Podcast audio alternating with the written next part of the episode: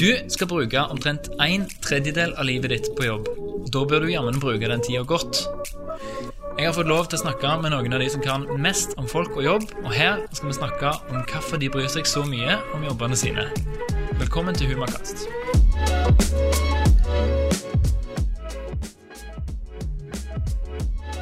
Kjære Siri, tusen takk for at du gidder å ta deg tid til å komme og snakke med oss.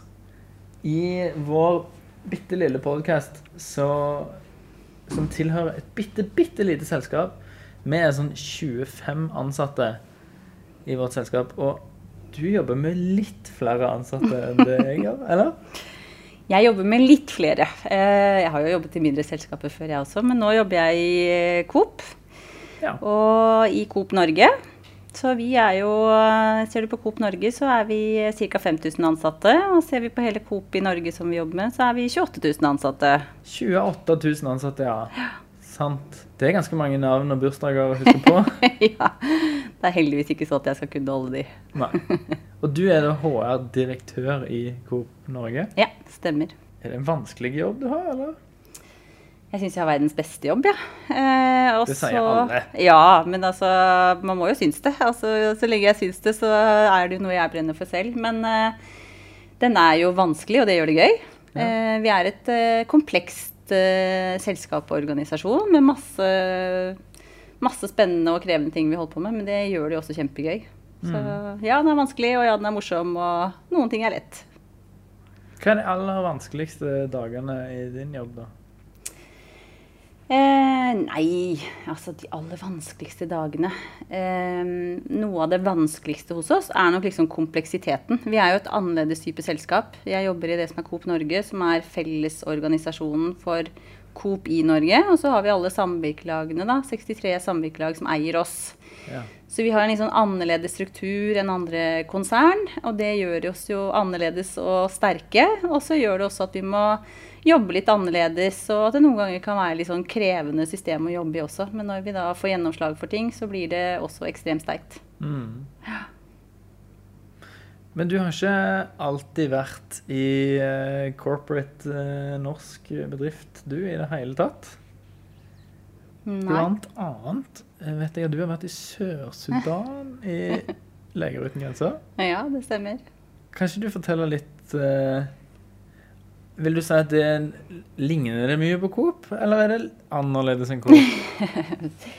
det er nok både òg. Eh, noe ligner og noe er eh, annerledes. Eh, mye av den verden er jo helt annerledes. Coop og helt annerledes Norge og Europa og den verden vi lever i. Og så er jo folk folk, da. Det er de i Sør-Sudan også, og det er de i Coop og i Norge. Så noen ting er liksom vidt forskjellig, og så kommer det ned til å håndtere mennesker på en god måte.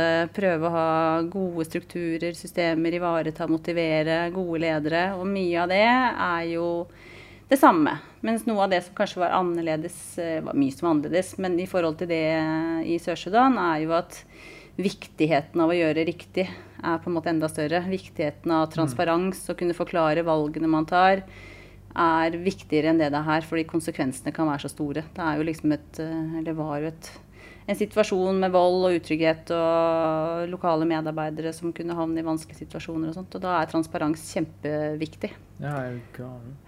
Men hva, eh, altså, fortell litt mer. Hva, hvordan havna du der? Hva var det, hva tid var dette, forresten? Nei, det begynner å bli en stund siden. Eh, jeg jobbet i eh, det som da het eh, Ementor. Så nå er Athea. Har jo liksom vært i IT-bransjen i alle år, egentlig. Ja. Og så hadde jeg vært med i noen oppkjøp og kjente at nå var det litt for mye snakk om å bare få bedre resultater på børs, og syntes at ting begynte å bli litt uh, meningsløs for meg akkurat da.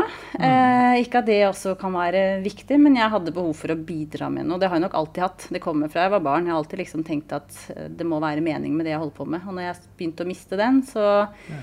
kjente jeg at da måtte jeg ta litt uh, tak i det. Og så var jeg, tok jeg med meg en permisjon og reiste ut i tre måneder i Asia alene. Og det var jo da tsunamien slo eh, til. Og ja, da var jeg i Thailand. Ikke der det skjedde, men jeg skulle dit et par dager etterpå.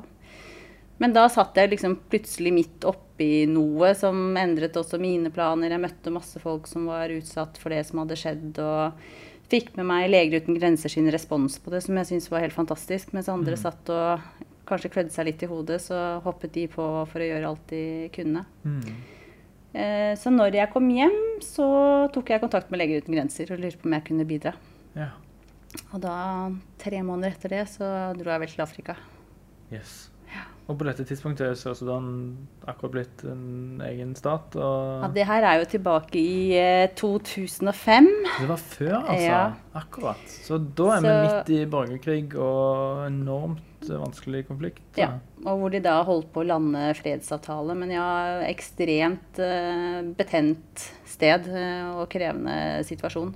Ja. Så det var jo på det tidspunktet et av de mest krevende mm, prosjektene som vi hadde i forhold til liksom uforutsigbarhet og, og veien videre. Men eh, var jo, jeg var der i halvannet år. Mm. Um, og er jo fantastisk og forferdelig og alt om hverandre, på en måte. Men absolutt ikke noe jeg ville vært foruten. Eh, masse læring, masse fantastiske folk. Eh, masse jeg har tatt meg i jobben senere, selv om eh, både jobb og privat. Selv om det er annerledes verden, da. Kan du si noe om det? Hva er det du kan ta med deg fra en sånn ekstrem situasjon til en kontorjobb eh, som du har i dag, på en måte? Ehm, det er jo at alt blir så synlig. Da? Konsekvensene av alt blir så synlig. Menneskene blir så synlige. Eh, personlig så sitter du, eller satt jeg igjen med den at de var helt fantastiske på å ivareta meg, selv om ikke de hadde noen ting selv. Altså Sånne ting treffer jo meg rett i hjertet, av hvordan de kan ta imot eh, oss på den måten som de gjorde, når de ikke eier noe som helst og står midt i en konflikt selv. Ehm, til også at du eh, lærer deg å sette pris på ting da, på en helt annen måte. Eh, jeg har nok også blitt preget litt av at jeg er liksom ikke like tålmodig kanskje etter at jeg kom hjem. Eh, kanskje ikke den på HR som er mest tålmodig for sånne ting som jeg syns eh, ikke kanskje er så viktige i det store perspektivet. Så du får sånn lavere toleranse for bullshit? Liksom? ja, ja, absolutt. Ja. Den har nok liksom nøytralisert seg litt mer enn hvordan det var akkurat da jeg kom hjem. Men ja, det blir jo litt sånn er det egentlig viktig, eller er det, er det faktisk ikke så viktig? Og så er jo ting viktig for individer, og det skal man ha med seg, og det er forskjellig, men noen ganger så må vi kanskje løfte blikket litt. da. Mm. Men altså, du er jo eh, Du har jobba med, med, med folk og HR og kultur og liksom den der grensesnittet mellom folk og jobb eh, i masse forskjellige stillinger i mange år. Hvorfor begynte du med akkurat det? Altså, jeg har jo en utdannelse innenfor markedsføring og begynte med salg. Eh, og så havnet jeg litt sånn tilfeldig fra salg inn og jobbe med rekruttering, headhunting. Eh, og fant jo ut at eh, salg er jo å jobbe med mennesker. Og jeg elsker mennesker. Og det å forstå, det å liksom klø seg i hodet og prøve å forstå hva er det som ligger bak. Det er jo samme i salget og det. Hvordan er det du kommer deg videre? Hvordan Ja, ja. hvordan kan du på en måte nå, nå hjem til den personen du prøver å selge til, eh, er jo én måte å jobbe med mennesker på. En annen måte er jo det å jobbe med HR og, og ledelse og kulturbiten. da. Mm. Så jeg gikk fra mm, å jobbe med, som rekrutteringsansvarlig i et selskap til på begynnelsen av 2000-tallet bli bedt om å nedbemanne. Eh, og da var jeg plutselig liksom midt inni HR. Jeg hadde vært med å bygge opp, og så skulle jeg plutselig bygge ned og måtte bygge min egen kompetanse. Og derfra så har jeg blitt i HR og er kjempefascinert av det å jobbe med folk, og om det er gode eller positive prosesser, eller noen ganger mer krevende prosesser, så skal man liksom gjøre det så bra man bare kan. Ha respekt for alle involverte. Og det å jobbe med folk på den måten syns jeg er kjempespennende. Ja, men nå jobber jo du Altså du sier dere 28 000 ansatte. Ser du folk i det hele tatt i jobben din, liksom? Jeg har jo som alle andre sett mindre folk det siste halvannet året enn det man ellers gjør, men jeg ser jo så absolutt folk. Eh, Men jeg er jo selvfølgelig ikke inne i saker på samme måte som jeg var tidligere, eh, hvor man kunne være mer involvert i forhold til den jobben som jeg hadde. Mm. Eh, Men likevel så er man jo til stede og får være med på masse spennende. Jeg har jo et helt fantastisk team som jeg jobber med, som er med å, å levere det vi skal levere på. Eh, Og jeg ser hvilken impact det vi gjør har, da. Og det syns jeg er kjempeviktig. Og så vil jeg jo aldri slutte å møte folk, men man får liksom ikke møtt alle på samme måte som når man begynner i et lite selskap. Nei, det skjønner jeg. Mm. Men altså eh, Den enden av HR-verden som du jobber i nå, eller egentlig, altså, kan jo ta CV-en da med Cisco og Telenor og det Coop. Altså Det er svære, svære organisasjoner, på en måte. Um, da snakker vi jo om plutselig HR-avdelinger og HR-team og sånn. Mm. Som jo er begreper og budsjetter som er helt fjerne for en del eh, mindre bedrifter der en, der er en person som kanskje har personalansvar på en måte, og et Excel-ark. Mm. Kan du si noe om liksom Men du har jo jobba i mindre bedrifter òg. Ja. Er det liksom sånn Hva er overføringsverdien her? Hva er forskjellen på å jobbe i en veldig stor organisasjon og en veldig liten bedrift? Eh, når du jobber med sånne ting som jeg jobber med, så er det jo mye det at i de større bedriftene så må du jo, du må jo skape prosesser som ivaretar liksom stordriften, da. I mindre selskaper så kan man jo gjerne håndtere ting litt mer eh, på sparket og gå det litt opp uh, underveis. Det kan vi jo ikke i større, større bedrifter. Så det er jo det at du bygger alt i storskala, det skal treffe tusenvis av eh, ansatte. Men så er det jo også noe med det å likevel prøve å teste i det små. da, Ikke liksom skulle gå ut til hele gjengen med absolutt alt hver bidige gang på en gang heller, men liksom få begynt litt i det små. Men, eh, men nei, man må løfte blikket, tenke mer eh, prosesser, men ikke glemme hvordan det treffer kundene våre, da, som er ansatte. At, det, at vi hele tiden har fokus på ansattreisen og hvordan det oppleves fra deres eh, ståsted. Men jeg har jo funnet ut at jeg liker begge deler. Jeg elsker å jobbe i små selskaper og har hatt det kjempegøy med å fikse og ordne og det brenner under beina og få det til å gå rundt. Og syns det er kjempegøy å kunne sette strukturene som påvirker masse. ikke sant? Hvordan lederskapet er hos oss, og hvordan eh, ja, ansattes reise er hos oss. Og syns det er kjempespennende. Mm. Hvordan bygger du et godt team, da? Hvordan jeg bygger et godt team? Eh, nei, altså Det er greit å ha gode folk. Det begynner liksom ofte med det å ha riktig folk eh, på plass. Men også det å sikre at man bruker folkene rett. At eh, det er tydelige oppgaver. Eh, men også at man får brukt seg der man virkelig har sine styrker. Da. Eh, at ikke det er sånn at alle skal være gode på alt. Så det er noe av det som vi har jobbet med, er å virkelig finne ut hvor er folk best, og hvordan kan vi få det beste ut av de, hvor kan de trives best. Så jeg tenker det er viktig. Og ellers så tror jo jeg veldig på å ha tillit eh, til folk. Ha en tydelig retning av hvor vi skal, og så gi fullt spillerom og la de holde på. De er eh, bedre enn meg innenfor sine fagområder, så det er jo bare fantastisk gøy når de kommer med sine ideer. Og så er det det å være tett nok på til ikke å liksom slippe slippe alt, da. Men uh, la teamene få lov å utvikle seg, og la de ha myndighet til å skape. Ikke, ikke være for retningsangivende i å fortelle hva de skal gjøre, hvordan de skal gjøre det, og så skal man på en måte bare uh, være en nikkedokke fra det, men faktisk la de få lov til å finne løsninger og løse problemstillinger selv. Da. Mm. Og da er mye gjort når du har gode mennesker som brenner for å gjøre noe bra for selskapet.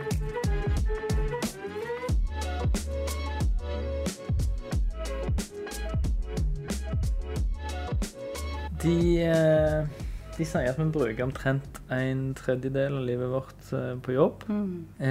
Er det verdt det? Ja, jeg syns jo absolutt det. Altså, jeg er litt sånn irriterende. men Mine venner kan jo irritere seg av at jeg har det jo alltid gøy på jobb. Men sånne folk syns jeg òg er litt irriterende. Ja, jeg vet. Men jeg har det jo oppriktig. Altså, jeg har aldri hatt en kjedelig jobb i hele mitt liv. Enten jeg liksom har plukka stein og poteter, jobba i kiosk, telefonsalg eh, eller jobbet med HR. Altså, jeg har alltid hatt det gøy. Eh, syns det er kjempemorsomt. Finner Jeg har selvfølgelig dårlige dager, eh, men er ganske rask på å finne måter å snu de til at jeg holder på med noe spennende. Og noe som skaper energi hos meg, da. Så jeg syns jo at det å jobbe er kjempegøy. Ja. Det er eh, Jeg vet ikke hva jeg skulle gjort hvis jeg ikke skulle jobbet. Det er ikke noe sånn at jeg går og skulle ønske at jeg hadde fri. Jeg kunne selvfølgelig liksom vært en måned på en sydhavsøy og kost meg, eh, men eh, jeg ønsker meg ikke bort fra det å jobbe. Nei. Sant. Altså, men du mener det helt oppriktig? At du Ja. har det gøy hver dag på jobb, liksom? Ja, jeg gjør oppriktig det. Jeg har snakket med sønnen min om det senest her for noen dager siden. Det, men jeg tror det er jo det er jo et valg, da. Altså, Hvorfor skal Ja. du ikke ha det gøy hvis du liksom Hva er poenget med å ha det kjedelig hvis du kan ha det gøy? Og jeg får jo til å ha det gøy, så da velger jeg jo det hver eneste dag. Og har egentlig alltid gjort det fra jeg var eh, Fra jeg var liten, tror jeg. Det er liksom, Så lenge jeg kan påvirke det, så skaper jeg noe gøy. Sant. Nei, det er jo veldig kult så lenge du bare kan bestemme deg for at dette er gøy. Nå er det gøy, på en måte. Ja, og så velger jeg jo også Jeg velger jobber som skaper energi hos meg. ikke sant? Og hvis ikke det er der lenger, eller før det skjer, så, så ville jeg jo valgt noe annet. Men det er jo så mange tilnærminger å ta i den jobben du har òg. Ja. Det er jo ikke sånn at jeg syns alle oppgavene mine er morsomme. Noen kan være kjempekjedelige og liksom dra energien ut av meg. Ja. Men jeg finner jo måter å ha det gøy med det òg. Det er eh, Setter meg noen mål da, som girer meg, og så kjører jeg på, så var det morsomt det, og så går vi videre. Det høres jo ut, Siri, når du snakker, som at du havna på rett hylle i livet.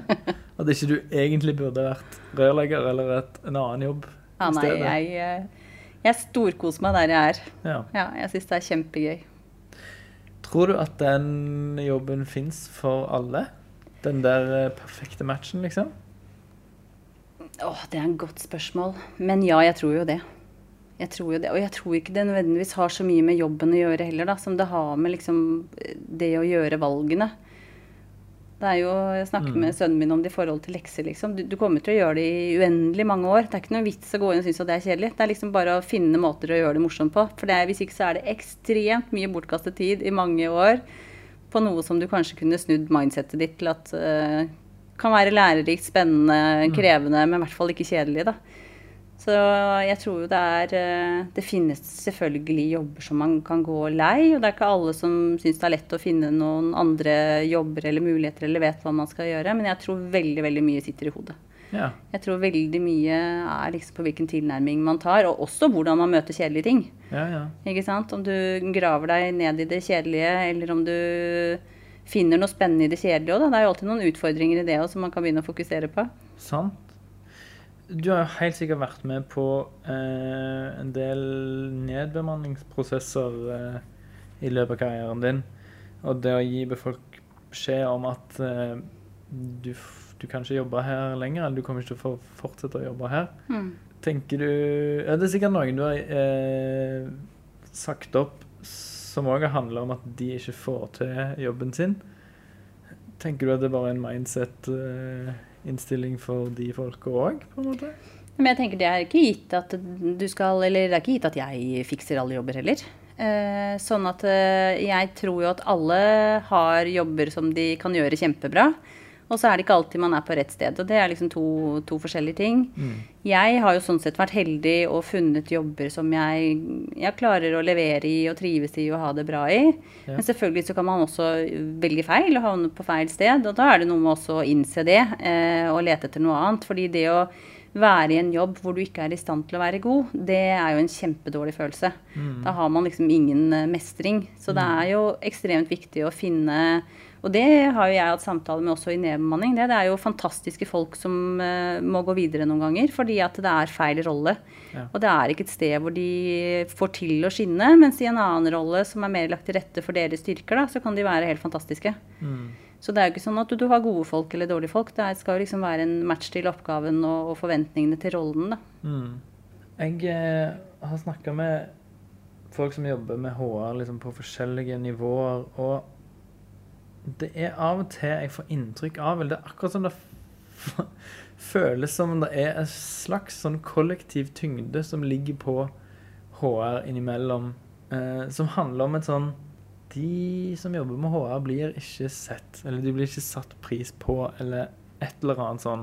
Og så er det noen som snakker om HR som en, bare en sånn tjenesteleverandør inn mot eh, ledelsen, og så er det noen som snakker om liksom HR som en superstrategisk bidragsyter inn i styrerommet, men det er ikke alltid HR får den plassen rundt det bordet eh, i styrerommet. Da. Hvordan, hvordan føler du sjøl sånn i løpet av din karriere? Har, du, har det vært lett å komme til det rommet der de avgjørelsene blir tatt, eller er det vanskelig? Um, jeg har vel bare vært steder der HR har vært strategisk viktig. Ja. Um, ja. Så det Og jeg har jo også valgt jobber der det har vært det. Jeg har ikke valgt å gå inn i jobber der jobben min skal være å overbevise noen om at HR er viktig. Jeg har kommet, og jeg er, veldig sånn, jeg er veldig bevisst på hvor mine styrker er også. Da. Jeg er eh, trives veldig godt med, og er sterkest på liksom virkelig den utviklingsfasen. Ikke det å sitte og ivareta og fortsette som det har vært, og tungt på personaladministrasjon og, og lite på HR-utviklingsfokus. Mm. Eh, Jeg tror på at man skal være kjempegod på personaladministrasjon og hele den biten, og at liksom hele fundamentet må være sterkt, men også at man kontinuerlig må jobbe med utvikling. Og da har det vært viktig for meg å komme inn i selskaper hvor, hvor man ønsker å gjøre en endring, ønsker å dra i en retning. da. Ja. Og det har jeg alltid vært. Men så tror jeg jo også så betyr jo ikke det at du kommer gratis til bordet, på en måte. Du må jo levere, da. Man må Ja, jo vise verdien jo. av eh, Ja, hva er impacten med, med det vi kommer med, da? Og, og inni i eh, ledergrupper eller i styrerommet vise hva er det faktisk eh, Hva er det det her betyr for selskapet.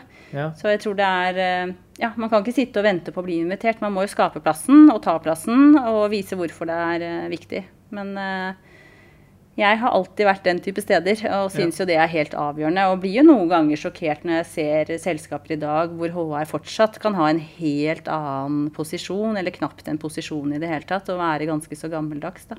Ja, men OK. La oss si at en av lytterne våre da, jobber i et av disse selskapene her, er nødt for å på en måte bevise sin verdi for å bli invitert til det der avgjørelsen tas i det hele tatt. Hvor bra kan HR være på den beste dagen, da, på en måte? Hva er den maksimale verdien som, som HR kan levere?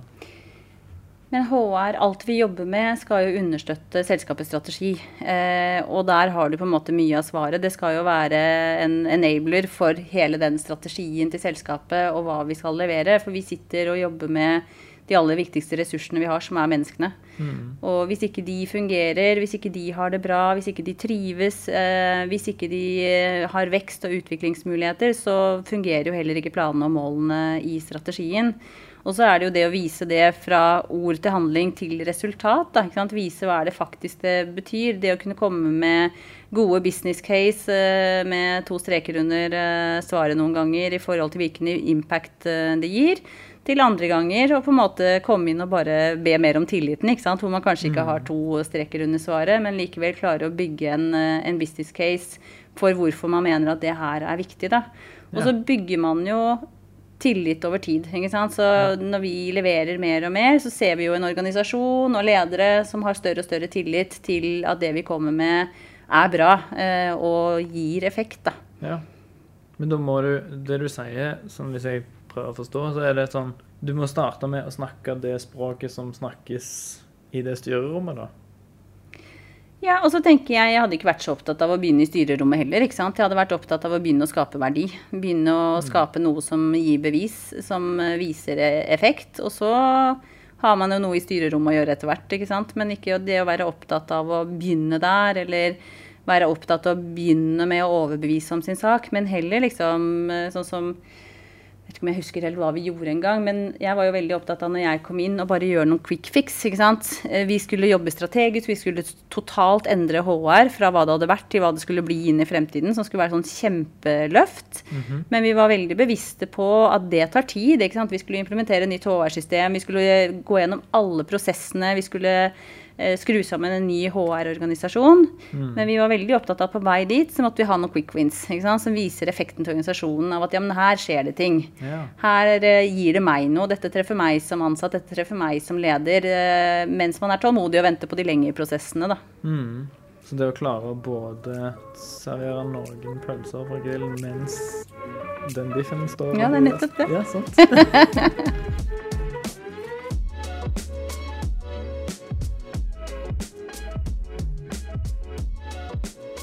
Du, Siri.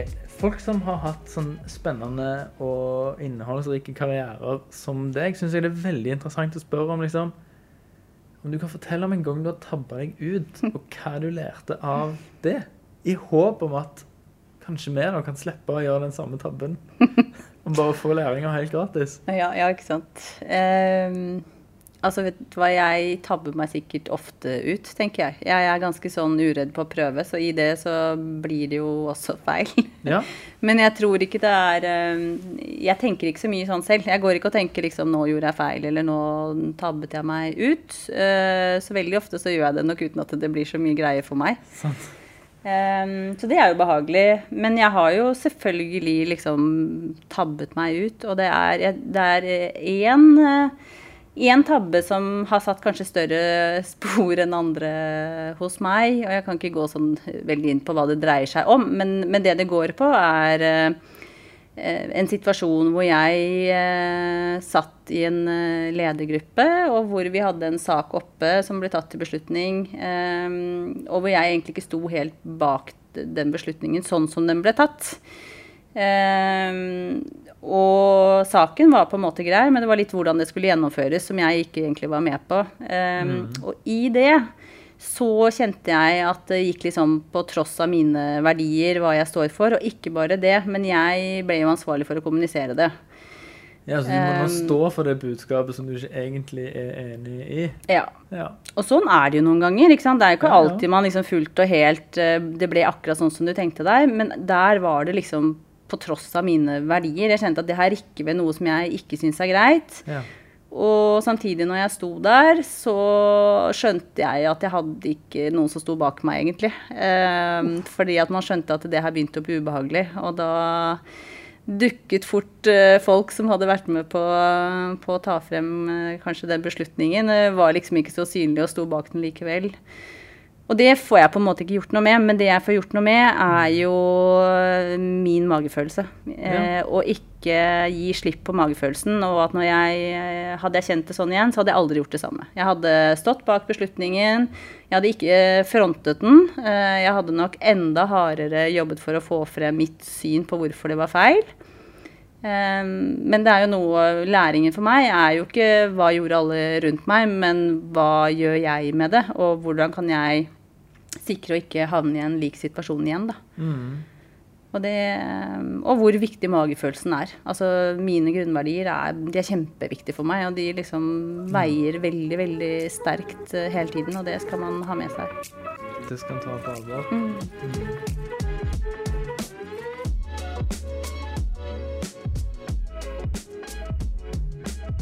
Du har jo liksom åpenbart enormt mye sånn kunnskap om fagfeltet HR. Ehm, hvis du liksom nå snakker til de som studerer HR i dag, som sitter og leser teorier og studerer andre folk sine tanker og skriver oppgaver om det og sånn, har du noen råd å gi på en måte til de som står helt i starten av dette løpet her? Stemmer det som står i bøkene i det hele tatt, eller?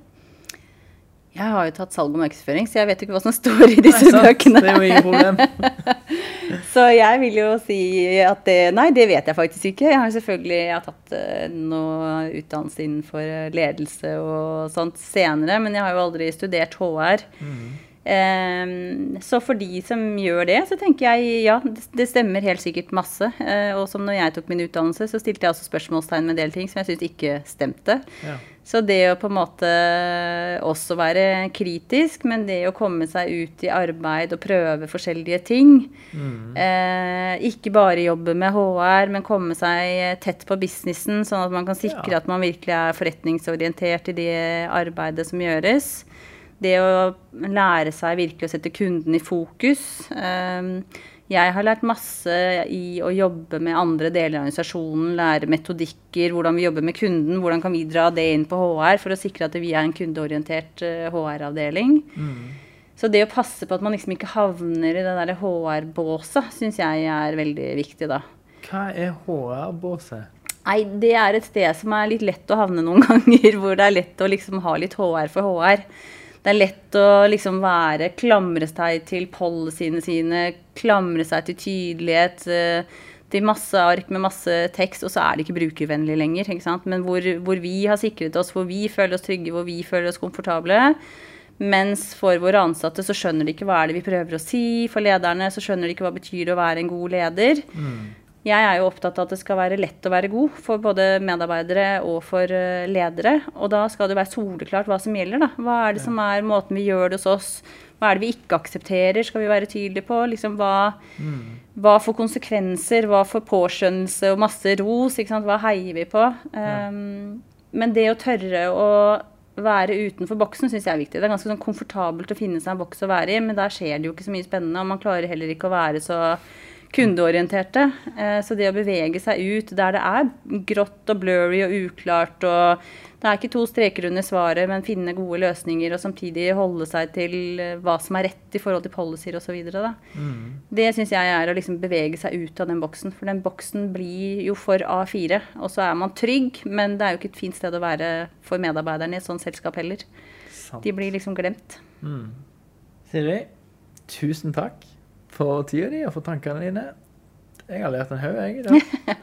Tusen takk for at jeg fikk lov å komme. Veldig hyggelig. Veldig gøy å høre.